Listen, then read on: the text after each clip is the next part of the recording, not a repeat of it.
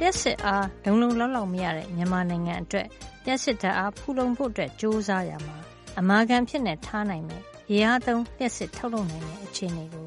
စွမ်းအင်ဝန်ကြီးဌာန ဒုဝန်ကြီးဟောင်းဖြစ်တဲ့ အင်ဂျင်နီယာ ဦးမော်သာထွေးက ပြောပြပေးမှာပါ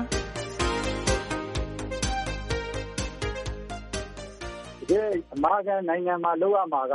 ဒီနှုံသက်တာတဲ့ဓာတ်အားရဖို့ဆိုလို့ရှိရင် ရေအားလျှပ်စစ်တွေပေါကြွားသွားတဲ့နိုင်ငံမှာ ရေအားလျှပ်စစ်ကို ဦးတည်ပြီးတော့ ဖိလုပ်ရမှာဗျ။”မြန်မာနိုင်ငံဟာ ထူးထူးခြားခြားပဲ တောင်မြောက်ဖြတ်ပြီးစီးနေတဲ့ မြစ်ကြီးတွေ၊ဒီမြစ်ကြီးတွေထဲကို စီးဝင်နေတဲ့ မြစ်လက်တက်တွေနဲ့ ဖြာနေပြီး ပြန်ပြည့်မြဲစွမ်းအင်ထဲက ရေအားနဲ့ စွမ်းအင်ထုတ်လုပ်ဖို့ အခွင့်အလန်းကောင်းတွေ ရှိနေပါတယ်။ဒီအထဲမှာ ရေအားစွမ်းအင်နဲ့ လျှပ်စစ်ဓါတ်ရအောင် ထုတ်ရာမှာ တချို့မြစ်တွေဆို ထည့်ပြီးတွက်စရာတောင် မလိုဘူးလို့ ဦးမော်သာထွေးက ပြောပါတယ် ကျွန်တော်တို့မြန်မာနိုင်ငံမှာ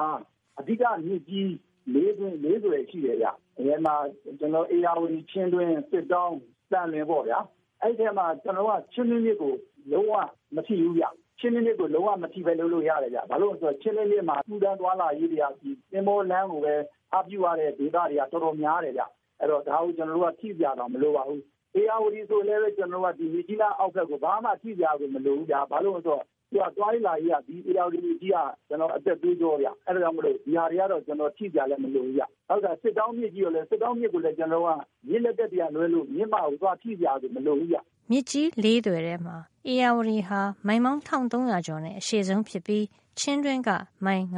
960စစ်တောင်းက198မိုင်ရှိပြီးမိုင်ပေါင်း960ကျော်ရှိတဲ့တန်လွင်မြစ်ကတော့ရေအားထုတ်ဖို့အတွက်တင့်တော်တဲ့အနေထားလို့ပြောပါတယ်။ဘာကြောင့်ပါလဲ တန်လွင်မြစ်ကိုပြန်ကြည့်တဲ့ခါကျတော့တန်လွင်မြစ်ကျတော့ဘလို့ဆိုစူတန်သွားလာရေးဘာညာသူကလေကင်းမောကလုံးလို့မရဘူးကြာသူကကြောက်တွေနဲ့ကြပယံတွေနဲ့နောက်တော့ကျင်းချောင်းတွေမိုးရင်းကျတော့ပြင်းထန်တယ်တကယ်တမ်းကျတော့မြို့တော်မှာအဲ့ဒီတန်လွင်မြစ်ရဲ့ဘေးမှာရှိတဲ့မြို့ကဟိုချိန်ဆုံးမှာတစ်မြို့လောက်ပဲအောက်နားလေးမှာတစ်မြို့လောက်ပဲစသဖြင့်မြို့နှစ်မြို့သုံးမြို့ပဲဒီမြစ်နဲ့မလန်းမကမ်းမှာကျွန်တော်တွေ့တယ်ကြာဒါပေမဲ့ရွာလေးတွေတော့ရှိပါတယ် ဒါပေမဲ့ဒါတွေကိုကျွန်တော်တို့ကတန်လင်းမြစ်ကိုကြတော့ကျွန်တော်ကန်ကျွယ်မယ်ဆိုရင်လည်းကန်ကျွယ်နိုင်ပါတယ်ဒါပေမဲ့တန်လင်းမြစ်ကိုကန်ကျွယ်တယ်ဆိုတဲ့နေရာမှာလည်းကြီးကြီးမားမားကျွန်တော်တို့ကဒီလောက်ကန်ကြီးအကြီးလို့ပြီးတော့ကန်ကျွယ်တဲ့နည်းမို့ပဲနဲ့ကျွန်တော်အသိအင့်နိုင်ငံနဲ့ဓာတ်အလိုအပ်ချက်ကိုဖြည့်ဆည်းနိုင်တဲ့ကျွန်တော်တို့ဟိုကြီးကြီးကျယ်ကျယ်မဟုတ်တဲ့တမန်အမြင့်မဟုတ်တဲ့ဟာမျိုးနဲ့ကန်ကျွယ်မယ်ဆိုရင်ကျွန်တော်ကန်ကျွယ်လို့ရပါတယ်ဗျရေအားလျှက်စစ်ထုတ်ယူဖို့စဉ်းစားရမှာတွေ့ရတဲ့မြစ်ကြီးလေးတွေရဲ့အနေအထားတွေပါတကယ်ကဒီမြစ်ကြီးတွေတဲကိုစီးဝင်နေတဲ့မြစ်လက်တက်တွေမှာ ဓါတ်အားထုတ်ယူနိုင်ရက်နဲ့ ထုတ်ဖို့မလုပ်နိုင်သေးတဲ့ လုပ်လက်စ စီမံကိန်းတွေ ရှိနေပါတယ်။“မြစ်ကြီး ၄ သွယ်အထိပဲ လုပ်ရမယ်လို့ မဟုတ်ပါဘူး။အဲဒီမြစ်ကြီးတွေထဲကို ဝင်နေတဲ့ စီးဝင်နေတဲ့ မြစ်လက်တက်တွေ အများကြီးရှိပါတယ်။အဲဒီမြစ်လက်တက်တွေဆိုတာ ဘယ်လိုဟာမျိုးလဲဆိုတော့ ဥပမာ ဧရာဝတီမြစ်ထဲကို ဝင်နေတာဆိုရင် ရွှေလီမြစ်ရှိတယ်ပေါ့ဗျာ။ရွှေလီမြစ်ပေါ်မှာဆိုရင် ကျနော်တို့က မဂ္ဂါဝပ် ၁,၅၀၀ လောက်လုပ်စရာ စီမံကိန်း ၂ ခုရှိနေတယ်ဗျ။၂ ခုပေါင်းရင် ၁,၅၀၀ ပေါ့နော် အဲ့ဒါလုံးပြနှစ်ခုရှိတယ်အခုထိကျွန်တော်တို့အဲ့ဒါအားလုံးဒီဇိုင်းတွေပါတယ်အစင်လေးဖြစ်နေတာဆိုပဲကျွန်တော်ကရက်နေတာဆိုပဲ၄နှစ်လောက်ရှိပြီကြာအဲဒါမျိုးပေါ့နောက်တစ်ခါကျွန်တော်တို့ဒီမေခမေရိကမြစ်တဲ့ကိုကျွန်တော်ကစီးဝင်တဲ့မြစ်တွေရှိတယ်ချောင်းလေးတွေလက်လက်လေးတွေရှိတယ်ကြာအဲဒီတချင်ပြည်နယ်ဘက်မှာအဲ့ဒါမေခဥမာလည်းမဟုတ်ဘူးကြာအဲဒီမေခရဲ့ထဲထဲကိုစီးဝင်တဲ့လက်လက်ကလေးဥမာငေါ်ချမ်းခလို့ခေါ်ပါတယ်ကြာအဲငေါ်ချမ်းခပေါ်မှာဆိုလို့ရှိရင်၄၀လောက်လုံးလို့ရှိရင်1900မီတာဝက်လောက်ရတယ်ကြာ အဲ့ဒီအားလည်းပဲနှစ်ခုလောက်ကပြီးနေပြီဗျအရှင်သင့်ဖြစ်နေပြီလုံးမယ်ဆိုရင်စလုံးလို့ရပြီဗျ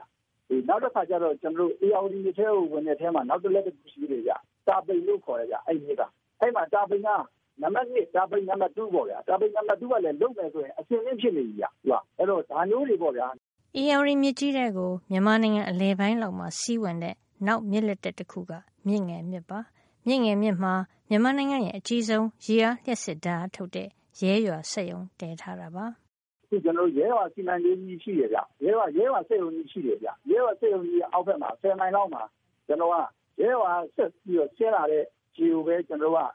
ရေစီးအားလေးကိုပဲတုံးပြီးတော့တင်တဲ့အဲမဂါဝတ်60ကျော်လောက်ရှိတဲ့ဒီတုံဆိုတဲ့စီမံကိန်းလည်းရှိတယ်ဗျအဲ့ဒါလည်းပဲအဆင်သင့်ဖြစ်နေပြီဗျလုပ်မယ်ဆိုရင်ကျွန်တော်ကစလုပ်မယ်ဆိုရင်၄နှစ်လောက်ဆိုရင်ပြီးမဲ့ဟာတွေပေါ့နောက်တစ်ခုကျတော့ကျွန်တော်တို့ ပြည်မနာဒီအရှိဘက်မှာ15မိုင်မိုင်20လောက်မှာကျွန်တော်တို့ပေါင်းလောင်းမြစ်ဆိုတာရှိတယ်ဗျပေါင်းလောင်းမြစ်ဆိုတာဟိုဘက်အပေါ်တက်သွားရင်ချောင်းဖြစ်သွားတာပါပဲအဲ့ဒီချောင်းပေါ်မှာလည်းပဲဘာမှထိခိုက်မရှိဘဲနဲ့မဂါဝတ်100ကျော်လောက်ရမယ်အလဲပေါင်းလောင်းဆိုတာလည်းရှိတယ်ဗျအဲ့တော့ဆိုလိုတာကတော့ကျွန်တော်တို့ကဘာကြီးကိုကင်မှညာကြီးကိုကင်မှဘလို့တမန်ကြီးကြီးမှကျေလို့မဟုတ်ဘူးဗျမြန်မာနိုင်ငံကပြောရတော့အရှိတောင်အာရှမှာမြန်မာနိုင်ငံတဲ့ပို့ပြီးတော့ဒီဟာရင်းမြစ်ကျော်ဝနိုင်ငံမရှိဘူးဗျ အဲ့တော့ ဒီအခွင့်အရေးကို ကျွန်တော်ဆုံးရှုံးနေတာကျွန်တော်ရဲ့ အားနည်းချက်ပဲ အဲ့ဒီလိုမျိုး ဖြစ်ရတာ ဘာကြောင့်ပါလဲဆရာ အဲ့ဒါကဘိုးတော်ကဒီကွက်စီဝါရေးကို သွားမယ်လို့ ကျွန်တော်တို့က ပြီးခဲ့တဲ့ နှစ်30လောက်က စခဲ့ပေမဲ့ကိုကကိုကကိုလည်း မလုပ်တတ်ဘူး နောက်တစ်ခါ နိုင်ငံခြားလည်းပဲပိတ်ဆို့မှုရှိတယ် လာရောက်ရင်းနှီးမြှုပ်နှံတဲ့လူတွေကလည်းပဲကြောက်တယ် နိုင်ငံရေး မတည်ငြိမ်မှာတို့ သူတို့အတွက် ဥပဒေမျိုးတွေက မပြည့်စုံတာတို့ပေါ့ဗျာမျိုးစုံပေါ့ အဲ့ဒါကြောင့်မလို့ ဒါတွေက မလာကြဘူးဗျဒီတိုင်းမဲ့ အဲ့လိုအခြေအနေပြီးတော့ခုနောက်ပိုင်းကိုပြောင်းသွားတဲ့အခါမှာပြီးခဲ့တဲ့ရွေးကောက်ခံအစိုးရတစ်ဆက်တော့ဗျာအခုတစ်ဆက်တော့မဟုတ်ဘူးပေါ့အဲ့ဒီမှာစူးစမ်းကြည့်တယ်ဗျာစူးစမ်းကြည့်တော့ဘာဖြစ်လဲဆိုတော့ကျွန်တော်ကလွတ်လပ်ခွင့်တွေအများကြီးပေးတာဘာတွေစိတ်ဝင်လာလဲဆိုတော့ တချို့ဖြက်လို့ဖြက်စီးသမားတွေအများကြီးစိတ်ဝင်လာတယ်ဘလို့ရှင်းပြလို့မှလည်းမရဘူးဗျ။ရဲလဲစစ်ကိုဒီတဘောပေါင်းရင်ဒိန်းလေးသမားတွေကတော်တော်ကန့်ကွက်တယ်ဗျ။တချို့လည်းပဲသူတို့ရန်ကုန်ကနေပြီးတော့ကိုနေတွေကိုဆင်းပြီးတော့ကိုရွာသူရွာသားတွေကိုစီယုံပြီးတော့ရာကိုကန့်ကွက်ဖို့တွေပါလောက်ကြပြူကြနေဆိုတော့နိုင်ငံတော်ကလည်းကျွာလဲပြည်သူ ဖြည်းဖြည်းချင်းဖြည်းဖြည်းချင်းနဲ့စီယုံနေရတယ်လို့ဖြစ်တာဗျ။နောက်တစ်ခါကျွန်တော်ကအဲ့ဒီသက်ဆိုင်ရာထိခိုက်သွားမယ့်ဟာတွေအကုန်လုံးကိုထိခိုက်မှုအနည်းဆုံးဖြစ်အောင်လုပ်မယ်ပြီးတော့ရှင်ပြန်လဲထူထောင်ရေးအကောင်းဆုံးဖြစ်အောင်လုပ်မယ်လို့ဘလို့ပြောပြောလဲမရဘူးဗျ။သူတို့ပြောတာကတော့မယုံဘူးမယုံဘူးပြောတာဗျာအဲ့တော့ကျွန်တော်ကဘာပြောရင်တော့ဆိုတော့မယုံစရာတော့အကြောင်းမရှိဘူးဗျပြည်သူရွေးကောက်ခံအစိုးရကပြည်သူကိုယုံအောင်လုပ်ရမှာပဲဗျ အရင်တော့ကတော့ထားလိုက်ပါတော့ဗျာအခုအချိန်ဒီမှာတော့ဒီလိုအချိန်ဖြစ်သွားပြီဆိုတော့ကျွန်တော်လုပ်ကိုလုပ်ရမယ်ဒါပေမဲ့အဲ့လိုပုံစံတွေကိုလည်းကျွန်တော်ရှင်းပြရမယ်ဒေသခံတွေထိခိုက်မှုသက်သာအောင်လည်းကျွန်တော်ကစူးစမ်းရမယ်ထိခိုက်သွားရင်လည်းကျွန်တော်အကောင်းဆုံးဖြစ်အောင်ဘယ်လိုပြန်လုပ်ပေးမလဲဆိုတဲ့ဟာကိုကျွန်တော်တို့သူတို့ပြန်ပြီးတော့ပြီးွားလုပ်ပေးရမယ်ကိစ္စပေါ့ဗျာ resettlement ကိစ္စတော့ကောင်းမွန်မွန်နဲ့ rehabilitation လုပ်ပေးရမယ်ကိစ္စတွေကို view site လုပ်ပေးအောင်ကိုအောင်မြင်တယ်ဗျာဦးမော်တာထွေရဲ့ပြောကြားချက်နဲ့ပဲ ဒီသတင်းဖတ်အတွက်သိပ္ပံနဲ့နည်းပညာကဏ္ဍကိုဒီမှာပဲရန်နာလိုက်ပါရစေနောက်တစ်ပတ်မှာပြန်ပြီးဆောင်ကြအောင်နော်